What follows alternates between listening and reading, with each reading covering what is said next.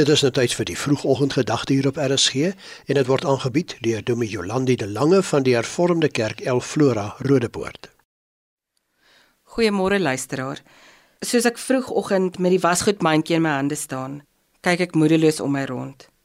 My koppie koffie is op die toonbank. Dit is daar vir versterking. En vir 'n paar oomblikke is ek alleen voor die harwar van die dag begin. Dit is die ideale tyd om met God te praat. Om uiting te gee aan al my vrees en bekommernisse. Want soos baie gesinne raak ons intens bewus van die kosmandjie wat kleiner, maar duurder raak. Om nie eens oor die prys van brandstof of elektrisiteit te praat nie. Tussendeur al die uitdagings probeer ons ook maar net kop bo water hou. Klink dit dalk bekend? En oral op sosiale media stuur mense mooi prentjies met die woorde van Eksodus 14 vers 14. Bly julle maar kalm. Die Here sal vir julle veg. Dit is die einste trooswoorde waarmee Moses 'n angstige volk wou troos. Woorde wat vandag nog gebruik word om ons hier in ons benoudheid te troos. Bly julle maar kalm. Die Here sal vir julle veg. En alhoewel hierdie woorde waar is, vergeet ons om verder te lees, want die gedeelte stop nie daar nie.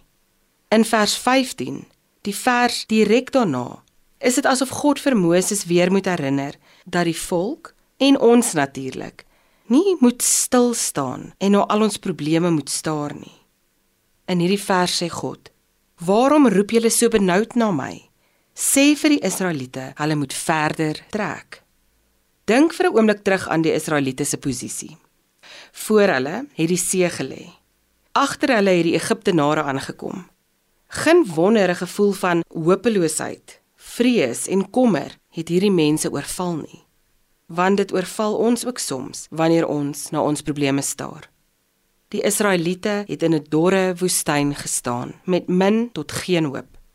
Hulle het nie geweet wat God se plan is nie en met tye was hulle geloof skaars sigbaar.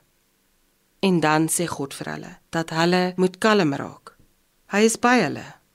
Hulle moet kalm raak, maar hulle moet ook verder trek.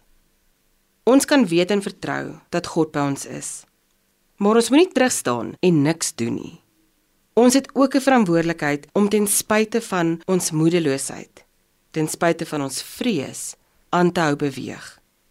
Ons moet aanhou help. Ons moet aanhou werk. Ons moet aanhou glo.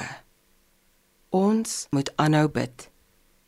As ons voor ons kyk, sien ons dalk 'n see vol probleme.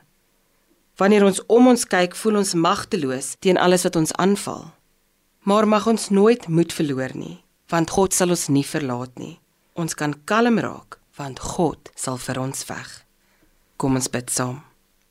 Vader, Seun en Heilige Gees. Dankie dat ons op U kan vertrou. Selfs al voel alles om ons so de mekaar en onseker. Dankie dat U dieselfde God is wat die Israeliete gelei het en wat ons vandag steeds lei. Amen. Dit was dan die vroegoggendgedagte hier op RSG, aangebied deur Dominee Jolandi de Lange van die Hervormde Kerk El Flora, Rodepoort.